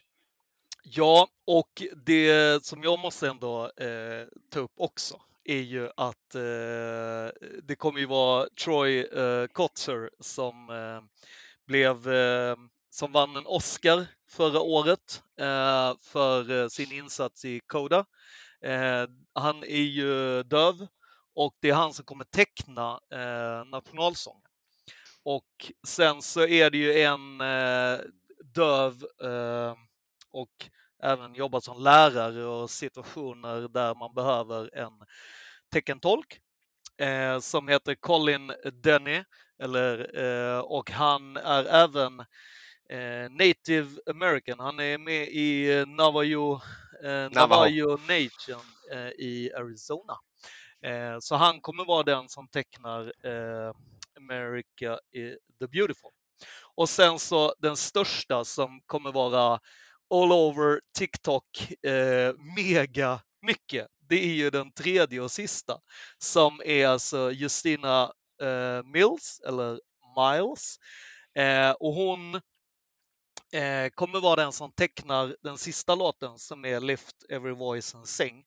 Men framförallt så kommer hon också teckna alla eh, Rihannas låtar.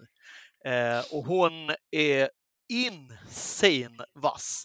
Hon eh, är ju känd för att teckna eh, rappares låtar. Så att hon är rätt fingerfärdig och eh, jag såg faktiskt att hon hade gjort en eh, collabo med Tove Lo eh, där hon har lärt Tove Lo lite teckenspråk. Eh, men hon är tydligen extremt känd på TikTok och jag får ju säga tydligen eftersom att jag, jag faktiskt inte hänger där. Eh, Jag har sett henne live. Mm, Hon eh, är grym. så- hon är är grym. jävligt grym. Mm. Eh, och eh, det är ju det är även Troy Kotzer såklart. Och, eh, Jajamän, vi hoppar innan, vi går vidare. vidare nej, innan vi går vidare Nej. jag säga så här. Ja. Eh, de har ju tagit fram då att eh, regeln är nu att så här, nationalsången tar slut när man säger ordet Brave. Så att det inte blir som Lady Gaga, hon väntade ju på flygplanen som skulle flyga in och Ja. körde den en gång till så att låten blev lite längre. Mm. Och nu är det, när du säger Brave första gången, då är låten slut. Vill bara Det- markera. Det är bra att vi har dragit upp lite liksom, regler för det här. Ja, men det är bra. Så man inte kan, det här är perfekt för TV-soffan, så man kan vända sig till personen som sitter bredvid och säga, vet du vad? Ja, och, Och så kan man mansplaina det här för, för sin, sin granne och det är kanon. och Eller ladiesplaina om man är en kvinnlig lyssnare. Nu var jag den. ja, och om man, om man gillar flygplan och eh, är kvinna så kan man ju bli eh, ännu mer glad för att de ska ju fira det här med att det är 50 år i... Ja, eh, Även kvinnor kan döda olika människor som medlemmar i den amerikanska armén, hörni. Nej, Ja! inte armén utan i flygvapnet. Ja, ja, men Ja, ja okej, nu kommer vi i ju... Nu bara hur som helst. det in hatmail om att du inte kan skillnaden mellan Ja, Air Force och Navy. Ja, Eller Army för det. den delen. Ja. eh, Ehm. jag tänkte däremot bjuda på den här. Det här är närmsta en Viking har varit Super Bowl på eh, 50 år, för ett av flygplanen är från The Vikings Attack Squadron. Ja. Tack så mycket. Electronic. Eh, Om ni hade sett Anton där hade ni sett, då gjorde han en, eh, han slog på cymbalen precis. Exakt. Det, det, som, det som också är ju så här, de har ju in en Flying Eagles här också, ser jag. On Argonauts, men jag ser ju ingenting från Kansas City. Men, men. Ja, Flying V, också känd som Offside. Mhm. Eh, Ja, nej, men det blir, det blir en matig inledning och, och eh, för de och sen som, är det såklart om någon har fatt, om någon har rattat in i den här podden och inte har koll på NFL så börjar matchen halv ett. halv ett. 00.30. Yes. Och jag tror, eh, det är väl, får se, kanske ett gäng nya lyssnare vi har som egentligen lyssnar bara för att få reda på en sak som händer ungefär en och en halv timme efter det. Klockan två kanske, så får man nämligen äntligen Rihanna i Super Bowl Halftime Show. Eh, Ja. Som kanske för fler personer här i Sverige är det man kommer minnas från den här söndagen. Alltså Mm. man vet ju inte, det kan vara roadblocks-grejen också. Kan man? Nej, okej. Eh, när, det kommer till, när, det kommer, när, när, det, när det kommer till Rihanna här, eh, eller Riri, Barbados finest och eh, då den näst rikaste kvinnan genom tiden enligt eh, Forbes, så är det ju så att det här är ju då den första gången på väldigt, väldigt många år som då Apple Music eh, sköter eh, halftime show. Inte Och Pepsi? de, har- de har ju då inte vilat på hanen eh, den här sista månaden. Så för alla er där ute som inte gillar eh, eh, Daniel Ek och Spotify och använder Apple Music så kan ni gå in på This Apple, is Mu- for you! så kan ni gå in på Apple Music nu och kolla så har alla lag i NFL har en egen playlist som hör till lagen som ligger uppe. Och sen har du då tre spelare som har sin warm-up, alltså playlist och det är då Stefan Diggs, Devonte Adams och Travis Kelce. Så de träffade en av tre, så det är ganska starkt ändå. Det är ungefär Eh. standard för Apple. Va? Ja. Eh, så att, eh, och där kan man ju gå in och lyssna på olika playlistor från alla lag och eh, Rihanna och så vidare. Och när det kommer till Rihanna så har det blivit en ganska stor grej under veckan med vilken låt då som det alltid är som hon ska börja eh, sin halftime med och hur lång den ska vara och vilka gäster som ska vara och så vidare. Eh, fram till igår så var den Stop, Stop the Music var ju favorit till att börja med. Det är 2.20. Sen så blev, drogs det igång någon slags av NFT-kampanj här sista, sista dygnet. Ah, perfekt. Bitch get my money har, blivit, har ju då seglat upp nu från att inte ens vara med på topp 20 och nu Oj! helt plötsligt favorit. Så att Den NFT vill jag ha har, som favorit. ja, NFT har ju gått in och liksom eh, satt oddsen här och Alltså- även då Nej men alltså, man måste ju att... Alltså hon kommer in och så har hon Lamar bredvid sig och så säger de tillsammans Bitch better have my money. Ravens, varsågoda. Det är ju Men, eh, skitroligt. jag, jag har ju då gått ut här, eh, ni kan se det programmet på, på ATG Play, eh, där jag går igenom roliga odds. Där har jag då listat då Stay som öppningslåt och det har att göra med att även där var Apple Music, de släppte då en, en remix-video här för två dagar sedan där då alla lag hade en representant i, alla 32 lag hade en, ett superfan, ish, som var med och gjorde den här låten ihop. Som Apple Music producerade musikvideo till och en låt som man kan kolla på Apple Music och hela videon. Eh, Är vi och- sponsrade av Apple Music? Eller? Exakt. Ja. Ja, Nice. vi, Lika Hela- mycket hela- som vi har varit eh, Pepsi-sponsrade genom åren. Så. Exakt. eh, Ja. så, så den har ju också sjunkit då i odds. Så jag hade ju den lite listad innan, så nu är den eh, tredje, tredje valet. Men det man ska med sig när det kommer till den här typen av half, halftime shows, du vill ju öppna starkt. Du vill ju öppna med en banger, du vill ha högt tempo bygg, och Stay är ju en ballad. Men jag tror att Rihanna börjar med en ballad och sen ökar tempot hela vägen och sen kanske avslutar med Umbrella medley med Jay-Z eller någonting. Det hade varit magiskt. Och hon kör, går direkt in i liksom andra akten av en live-show. Mhm. Eh, Mm. nice. Intressant. Jag, alltså, jag, menar chocken förra året var ju ändå eh, 50. Att 50 gästar liksom. Hänger upp och Eh. ner eh, som en eh, tjock säl. Just det, det gjorde han. Det Ja. Ja. var helt fantastiskt. Men jag menar det, det var ju ändå så här, tror vi ändå, alltså kommer man få höra hennes första hit? Vad är pengarna på den liksom? Alltså pengarna nu, alltså jag gissar på att den här, hon kommer att bränna av sjukt mycket låt. Hon har inte släppt någonting sedan 2016. Eh, hennes senaste låt som hon släppte var den här Wakanda, Wakanda Black Panther Life-låten. Så att hon har inte gjort någonting på väldigt, väldigt länge. Så då, eh, men däremot har hon ju sjukt mycket hits. Och mycket hits ihop med då kändisar som Eminem och Jay-Z. Och att hennes man då ASAP Rocky skulle dyka upp på scenen när det står i 2.50. Att Jay-Z ska upp på scenen när det står i 3.75. Mm. Det ska bli oerhört spännande att se vad, vad hon har kokat ihop för att hon är ju en entertainer av rang. Så att eh, jag tror att den här halftime showen kommer bli riktigt jävla grym. Blir Det, åka det, av. det blir svårt att slå förra årets eh, halftime show, men hon kommer göra ett, ett seriöst försök. Jag tror Jo, det kommer men- bli skitbra. Och sen tänker jag ju att det är ju, mm, jag tänker också att det finns en stor möjlighet till många eh, ombyten också.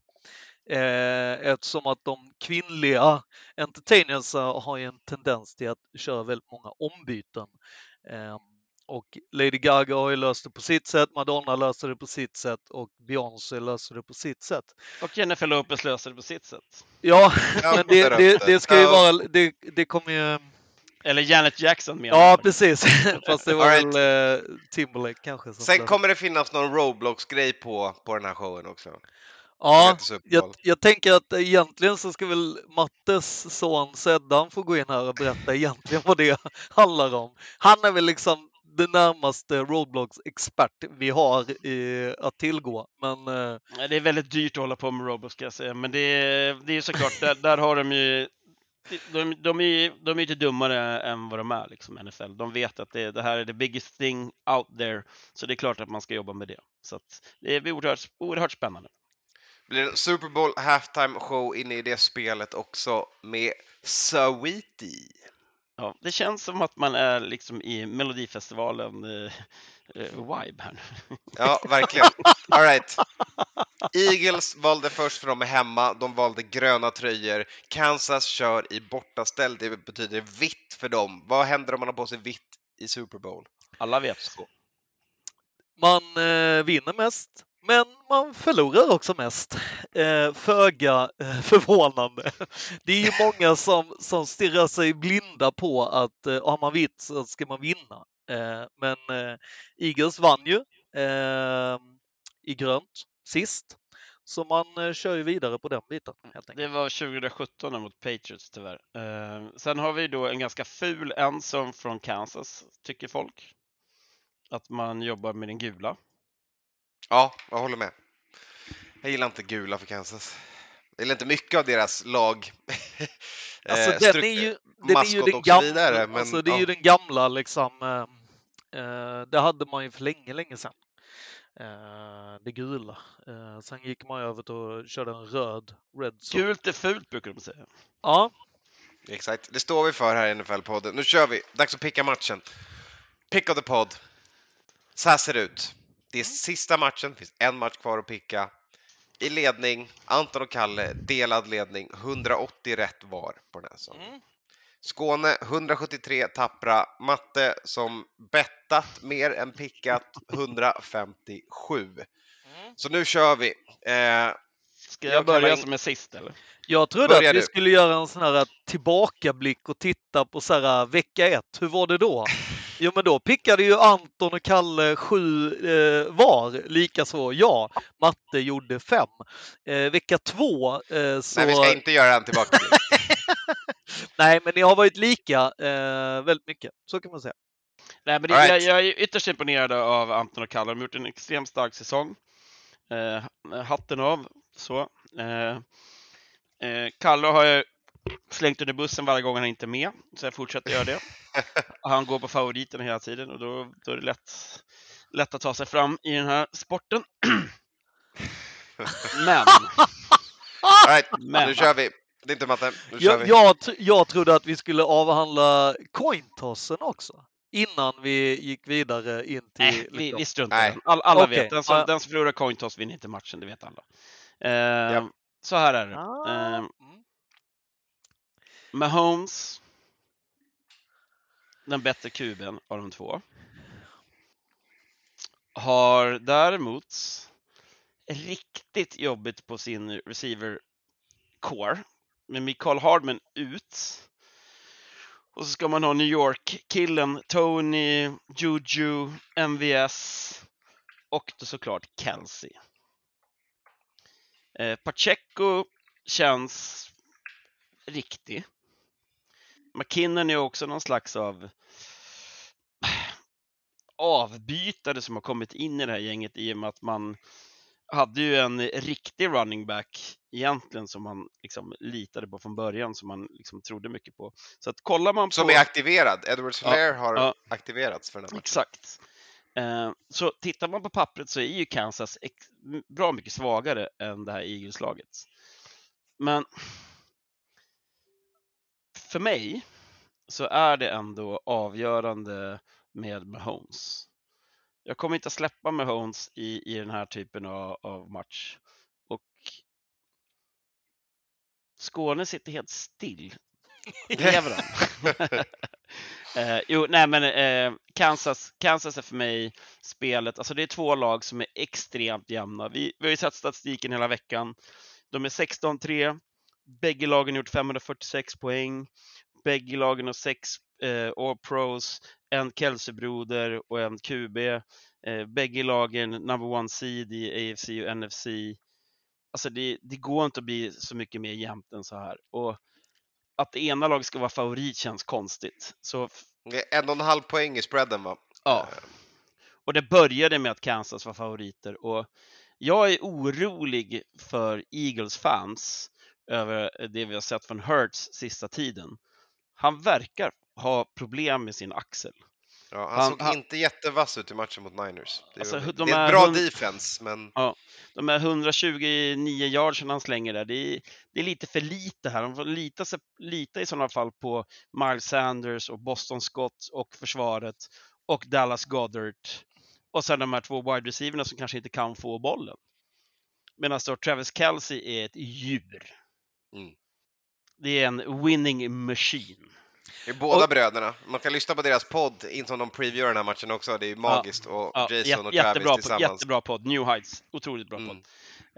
Eh, så jag ställer mig på skrällsidan här då och, och går på Kansas. Och i, jag tänker ju faktiskt hålla på Kansas här fast alla hatar Kansas. Så att, ja, jag är på Kansas. Pissmatte. Mm. Ja, ja okej. ja.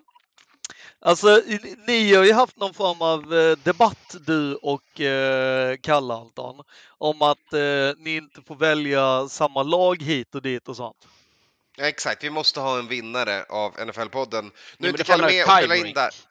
Eh, Nu är Kalle inte med och spelar in det här avsnittet, men jag, var, jag trodde att vi båda skulle ha samma lag. och Jag tror min tes stämde när Kalle blev lite ah, besviken tror jag, över att jag kommer picka det laget jag pickar. Så min plan var ju att erbjuda att vi går på spreaden och ser hur mycket vi kan erbjuda varandra för att ta det andra laget, om vi båda hade valt ett av lagen. Så ta då som exempel, säg att jag skulle picka Eagles. Mhm. Då säger jag, Kalle, du får Kansas plus tre. Är det okej då att jag får Eagles? Och så säger han, nej, Mm, okej, snyggt. du får Kansas plus fyra. Är, är det okej då? Yes. Och så hittar man Uff. både, någon tar den dealen. Det tycker jag hade varit ett kul sätt att göra det på. Absolut. Du behöver inte göra det, Jag tycker att- på Nej, men jag tycker att vi gör det, eh, bara att ni får lämna, ni får göra en screenprint eh, och så får vi lägga det i, i någon form av, liksom, eh, när alla har lyssnat så kan ni lägga den. Exakt. Men vi har ett resultat och vi kan komma till det sist. Skåne, vad har du?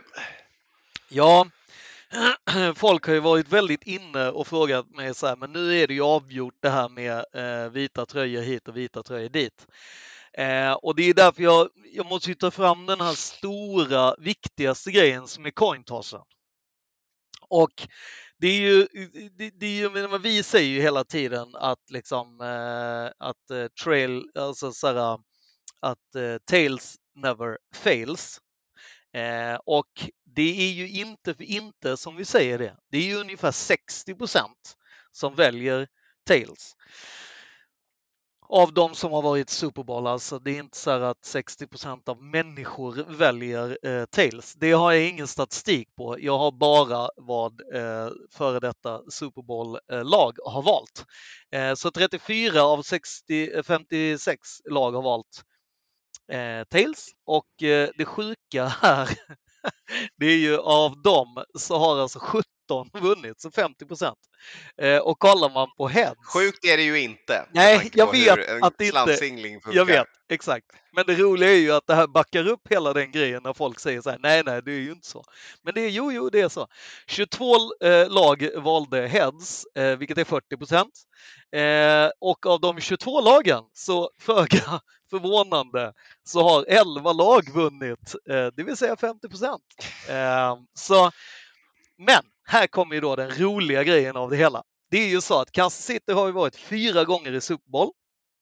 Och eh, när de eh, får välja så har de ju eh, först, de var ju med i Super Bowl 1 och då valde de ju Tails obviously eh, och vann.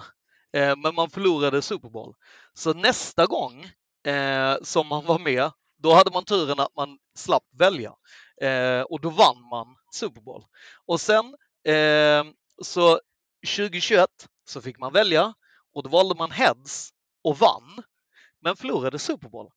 Eh, och sen så 2020 när man var med, då fick man inte heller välja och då vann man. Så varje gång Kansas City har fått välja så har man förlorat. Nu är de borta lag och får välja. Japp, så man förlorar. Kort och gott. Enligt Eh, slantsinglingsteorin. Ja. Sen är det ju en rolig eh, i det här är också att eh, Tails vinner alltid i Arizona. Eh, 96 så valde Cowboys Tail, Tails och de eh, vann slantsinglingen och vann sedermera också Super Bowl. Eh, 2008 så valde Giants Tails och eh, de vann och så vann de ju mot eh, Patriots i Super Bowl också. Eh, och sen så Patriots valde ju då eh, 2015, då valde man heads och förlorade. Men de vann ju ändå Super Bowl. Så att eh, Tails är ju uppenbarligen det man ska eh, köra på i Arizona. Mitt Kommer de här det. frågorna vara med? Kommer något av det här med på quizen? Eller? Exakt. Ger, Jag ger tänker du bort att- massa svar nu eller? Jag tänker att jag inte gör det. Jag tänker att jag inte ger bort eh, de grejerna. Gör det till en Eh, Glenn. Nej, jag gör inte det. Men det är jag är ju Vad annars- händer efter slansinglingen då? På Ja, nej men precis. Så rent, alltså Matte har ju redan varit inne på det. Eh, alltså Kelsey är ju, han är ju ligans bästa eh, tight end. Han är ju tight end på ett sätt, alltså han springer ju routesen som en wide receiver, men är byggd som en tight end. Han är ju det som, som Gronk var eh, så otroligt bra. Alltså det här med att kunna ta boll när du är i, i eh, även om du har två mot dig eh, och hur han liksom vänder tillbaka och springer en route som liksom Patrick Mahomes och han vet ju innan och utan. Samma sak var det Brady och Gronk. Folk blev ju helt vansinniga över att så här, okej, han har alltid sprungit sina routes på det här sättet, men nu helt plötsligt så viker han åt andra hållet. Um, och det som är det svagaste i Eagles defense är ju deras linebackers. Och det är ju också det som är, det alla vet, är ju att linebackers sämsta grej, det är ju coverage. Och där ska du möta ligans bästa spelare. Så jag tycker ju att den biten, jag förstår vad Matte säger det här med att Kansas City inte har några wide receivers. Nej, men jag tycker att det liksom det eh, vägs upp av att de har en Kelsey. Eh, och ge, att, att få 7 yards, 14 eller 20, det, det kommer ändå leda till en first down i vilket fall som helst. Och sen är det ju så att ger du han typ 10 yards så kan det fortfarande innebära, alltså på en hel match, så kan det fortfarande innebära att du har tre touchdowns på, på Kelsey. Så att det, det är ju liksom, att minimera han till noll yards, det kommer de inte kunna göra. Och jag är ganska säker på att de inte kommer kunna minimera han till, någon, alltså till noll touchdowns. Så pass bra är han, trots att alla vet att han ska ha bollen. Eh, jag är helt med. Ja, stats, statsen är ju så. Han har gjort TD i 15 av 17 playoff-matcher och han har gjort första TDn i 8 av 19. Så Ja. att det, Bara hans slutspelstats är ju en Ja. drömsäsong för en tight end. Som En- en- receiver. 1,97 lång, 113 kilo och 32 år gammal. Ja, och det, det är ju liksom eh, det här med att Patrick Mahomes är liksom bättre än Jalen Hurts. Det, det är ju liksom, jag är helt med på, eh, alltså Jalen Hurts också, får ju ofta höra att han inte kan sikta liksom. Det är ju det största på honom, att han skickar bollen svajigt och hit och dit och så vidare. Eh, samtidigt så har ju liksom Patrick Mahomes skickat dubbelt så många interceptions. Men jag tror fortfarande att det är två quarterbacks där Patrick Mahomes lite så skiter i om det är en interception. Jag är inte så säker på att Jalen Hurts skiter i om det är en interception. Jag tror att det kan sitta eh, lite mer i, i huvudet liksom. Men, men sen tycker jag så här, det är jävligt enkelt att glömma bort Dallas Goddard som också Matte var inne i. Alltså, han har ju varit så här smygbra. han har ju ändå varit jävligt bra. Eh, och det är väl antagligen för att när du har de wide receivers som Eagles har, så då kommer han vara one-on-one.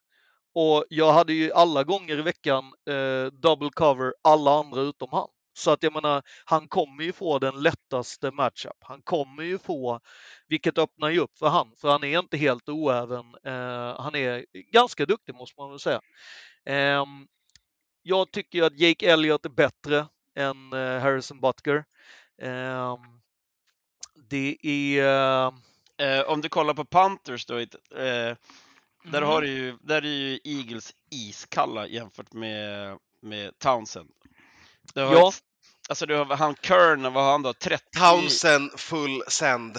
Ja. Och, Nej, men, men- det, så det, är är en, det, är, en- det är en viktig del i en sån här typ Ja, av match. exakt. Att du har Jo, en bra oj. Panthers. Verkligen. Ja. Eh, sen är Hela det ju... special teams operations ändå. Eh, Mm. Stor del av det Mm. här. Nej men jag, sen tror jag liksom, oh, alltså det är ju, det, jag, många ringar ju in att det ska handlar om Kelsey. Jag tycker att det handlar om Andy Reid.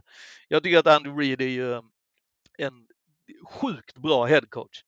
Eh, han är ju 3-0 med, med Kansas City mot Eagles och han är 3-0 när han var i Eagles mot Kansas City. Eh, så att alltså allting borde egentligen tala för att eh, Andy Reid och eh, Patrick Mahomes kommer vinna det här. Men jag tror ändå att Eagles på något sätt tar det. Vilken, vil- Ehm, vilken ovanlig Skåne-metodik. Mm. Nej, men jag tror att någonstans tror jag att så här, det, det, det finns någonting i Eagles pass rush som är insane. Och sen så är det ändå så att Eagles secondary är, är ju liksom, de är hyfsat bra får man ändå säga. Det är ju Det ska två, vara mer att Kansas eh, har ju extremt hög sack rate. Alltså det är väl Mm. topp ett i ligan. nej det är ju, ja det är ju båda är ju ettor. Så att de Mm. är men det är ju liksom, det är ju det som du har sagt hela tiden, de är så jämna. Så att därför måste man ju nästan ta bort, jag, nog, alltså, jag tror ju liksom att, jag ser ju inga konstigheter om, om eh, att Eagles skulle ha fyra sacks. Jag ser inte att det skulle göra jättemycket för Patrick Mahomes. Man undrar ju bara däremot hur mycket skada han kan ta och sin ankle liksom. Och eh, likadant att jag, jag är inte chockad om eh, Chris Jones har två egna sacks mot, mot eh, Jalen Hurts. Det, det, det ena utesluter inte det andra, men däremot så är det ju alla rookies på Kansas Citys defense och framförallt deras secondary. Jag tror Ja, att du, det... du, nu har du sagt Eagles. Ja, nu är det jag tror att det är det som, som kommer vara det som faller avgörande. Mm. Så du är en, en på Eagles och en på Kansas. Perfekt. Eh, då blir det en på varje också. Det har jag redan spoilat eftersom jag och Kalle kommer ha olika lag här. Eh, så här. Det vi inte pratade om i det hela är eh, offensiva linjer. Eh, och där finns det också två lag som är jävligt starka. Det, det, det vi märker helt plötsligt när man börjar prata om de här lagen är att de är väldigt starka lagbygget, men framför allt in the trenches. Eh, vi pratar om otroliga pressure rates och sack rates från två defensiva linjer där Eagles varit bra hela säsongen. Kansas har liksom börjat verkligen explodera fram i slutet. Alltså Spags defense liksom hittar alltid en second wind och kommer igång fram på slutet av säsongen in i slutspel och sen så går de som tåget. Eh, Eagles O-line, så länge Lane Johnson får fortsätta få starta så är de ju oslagbara. Eh, men eh, kanske de inte får då med Carl Sheffers som, som domare. Eh, oavsett så har de en superstark linje Eagles. Kansas, inte lika bra på den offensiva linjen, men det finns absolut vapen där också och de kommer försöka göra det svårt. Eh, sen har vi två QBs där Patrick är mer escapable än Hurts. Båda använder RPOs för att liksom skapa en delay i rushen och för att skapa ett, till hot från sin QB. Eh, så de är väldigt lika på det sättet eh, och båda dinken dunkar sig över planen. Eh, Eagles starkare wide receivers, men eh, känns det inte som att den här Kadarius Tony kommer, eh, kommer ha en match? Att det liksom, Feelingen är ju det. ja, Det, det, det är feeling. att liksom han får knäppa Eagles på näsan, vilket är perfekt för en gammal Giants-spelare och han får samtidigt då knäppa Giants på näsan som vågade släppa honom för ingenting för att de inte kunde hantera honom. Mm. Eh, ni bör höra vart det här barkar. Eh, Och Matte och Anton på Kansas. Oj, oj, oj. ja, det är nämligen så att eh, även om Eagles är ett komplett och starkt lagbygge eh, som med all rätt kan vinna den här matchen så ger jag det till det tryggare laget eh, som var så nära innan Bengals knäppte dem på näsan, löste problemet Bengals och Eagles känns som en lättare match för dem än Bengals för att det är inte lika högoktanigt. Eh, Bengals är ett Jag, bättre jag, nick, Eagles jag nickar offensivt. här borta. Jag Ja. nickar här borta. Eh, så att, och sen båda har starka defense. Kan vara att Eagles defense är troligtvis bättre, men Patrick kan göra sina 24 poäng. Så att ge mig, ge mig mindre poäng mot Bengals, ge mig 23 poäng, eller ge mig 22 poäng, nej, ge mig 21 poäng för Kansas framåt. Eh, Men säg att de håller Hurts till 17 i den här.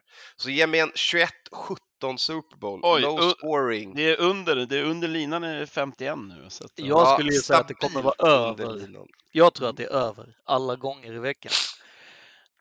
Flaggor, Långa drives. ja, men flang, flaggorna har ju en tendens till att eh, dimpa ner där de liksom minst behövs så att säga, utan det kommer ju vara liksom vips, nu är det fyra nya försök och ger du fyra nya försök till oavsett om du gör det till Jalen eller till Patrick så så tror jag att det kommer eh, resultera i poäng. Eh, jag tror att det kommer bli, jag hoppas och tror att det kommer vara ganska mycket offensiv fotboll, trots att man har riktigt bra defense. Det kommer det vara, men det kommer vara offensiv fotboll som tar 10 minuter för en drive om de ska gå hela vägen.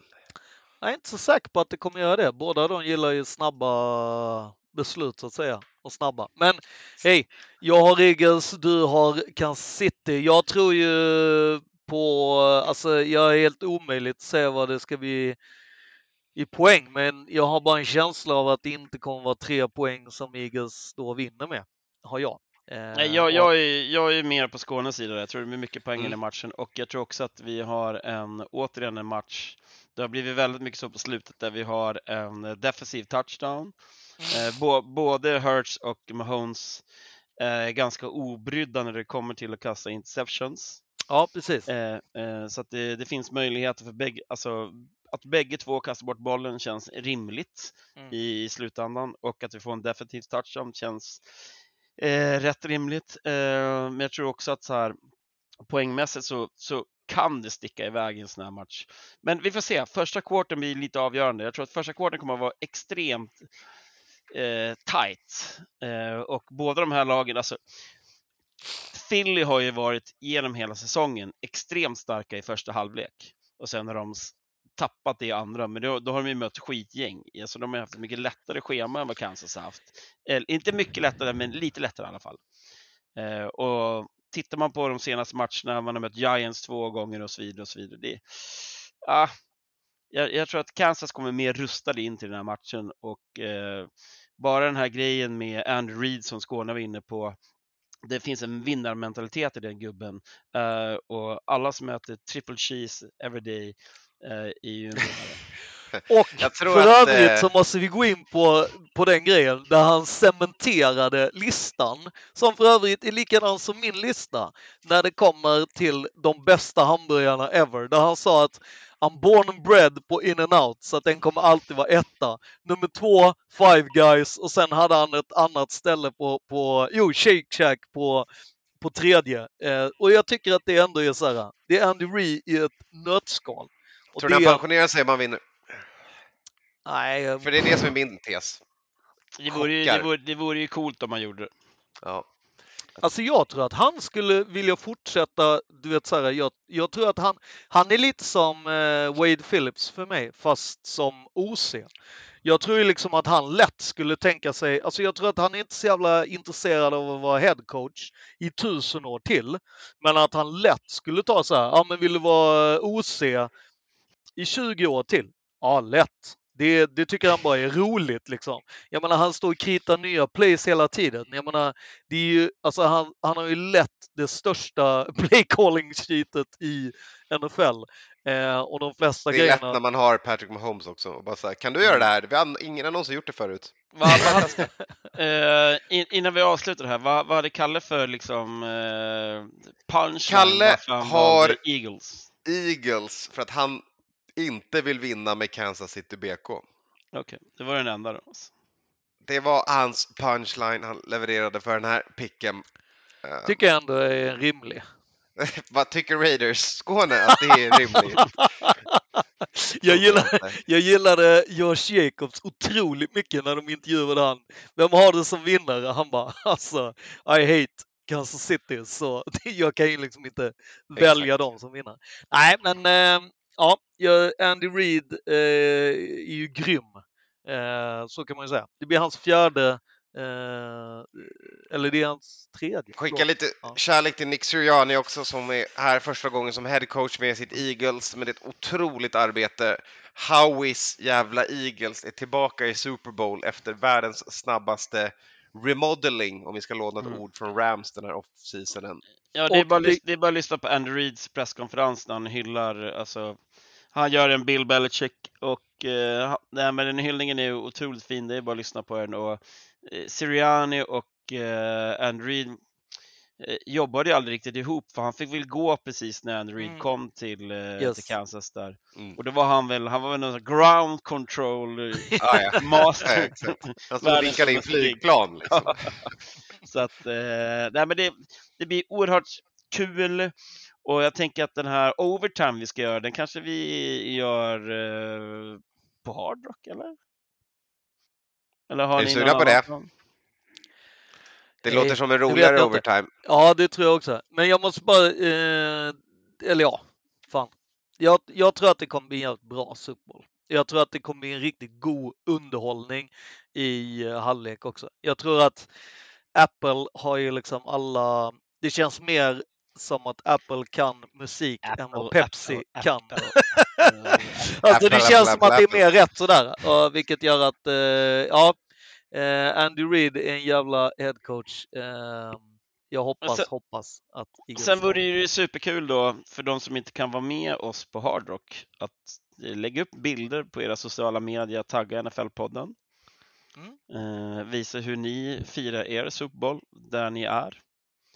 Jag vill se Jag har maten! socialt, jag har socialt medieförbud förbud där jag är, eh, så att jag kommer tyvärr inte kunna göra det. Ja, Anton är ju i, i staterna, men inte på rätt ställe, men eh, nära. Nej, men nära. Mm. Men eh, maten, lägg upp bilder på maten, lägg upp eh, vad ni tror eh, om eh, lite sådana grejer som eh, Matte har varit inne på. Eh, och cointoss och alla sådana props bets och liknande. Det är ju alltid kul. Det är alltid kul att höra vem ni tror eh, ska göra en TD till exempel. Det är Men då roligt spikar vi det i podden nu. Eh, då säger vi overtime, det kommer på Super Bowl-dagen. En liten blänkare om eh, Super Bowl. Litar jag på er, för jag är bortrest. Eh, och så spikar vi nummer två. Är man en Patreon och har varit det ett tag och känner att fan vad gött det vore med en tisha, borde man dyka upp på Hard Rock Mm. och visa det. Mhm. Det, Kommer vi det, med den lilla spoilern också? fin, finns det en liten, eh, en liten gift kanske? Ja, kanske. Vem Ja. vet? Ja, eh, sen kommer det även ett matematips såklart. Och Skåne visar, där har vi den. Och vad står det på ryggen? Det är bra med ljudpodd och vi visar upp en t-shirt.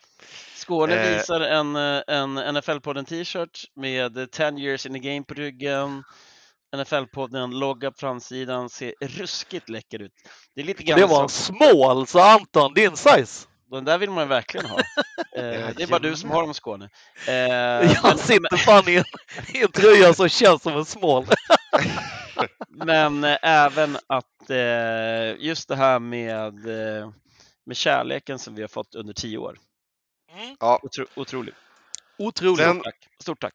tar vi med oss hela vägen in i Super Bowl. Nu är det dags igen hörni. Vi ses på andra sidan, eller så ses ni och andra på Hard Rock, eller så ses ni nästa vecka, för då är inte jag med. Eller så ses vi alla efter. Vi avslutar med att säga, som vi gjort i tio år. Tjolululu. NFL-podden. Producent Skåne. Säsong 10. For the Love of the Game-produktion. Säsong 10! 10! Säsong 10. NFL-podden. Säsong 10. And for the Love of the Game-produktion. NFL-podden. Producent Skåne. Då säger jag bara att vi kör. Ja, ja men vad trevligt. Varsågod. Det är dags. Det är säsong fem. Nej, Säsong 10! det är säsong tio. 10!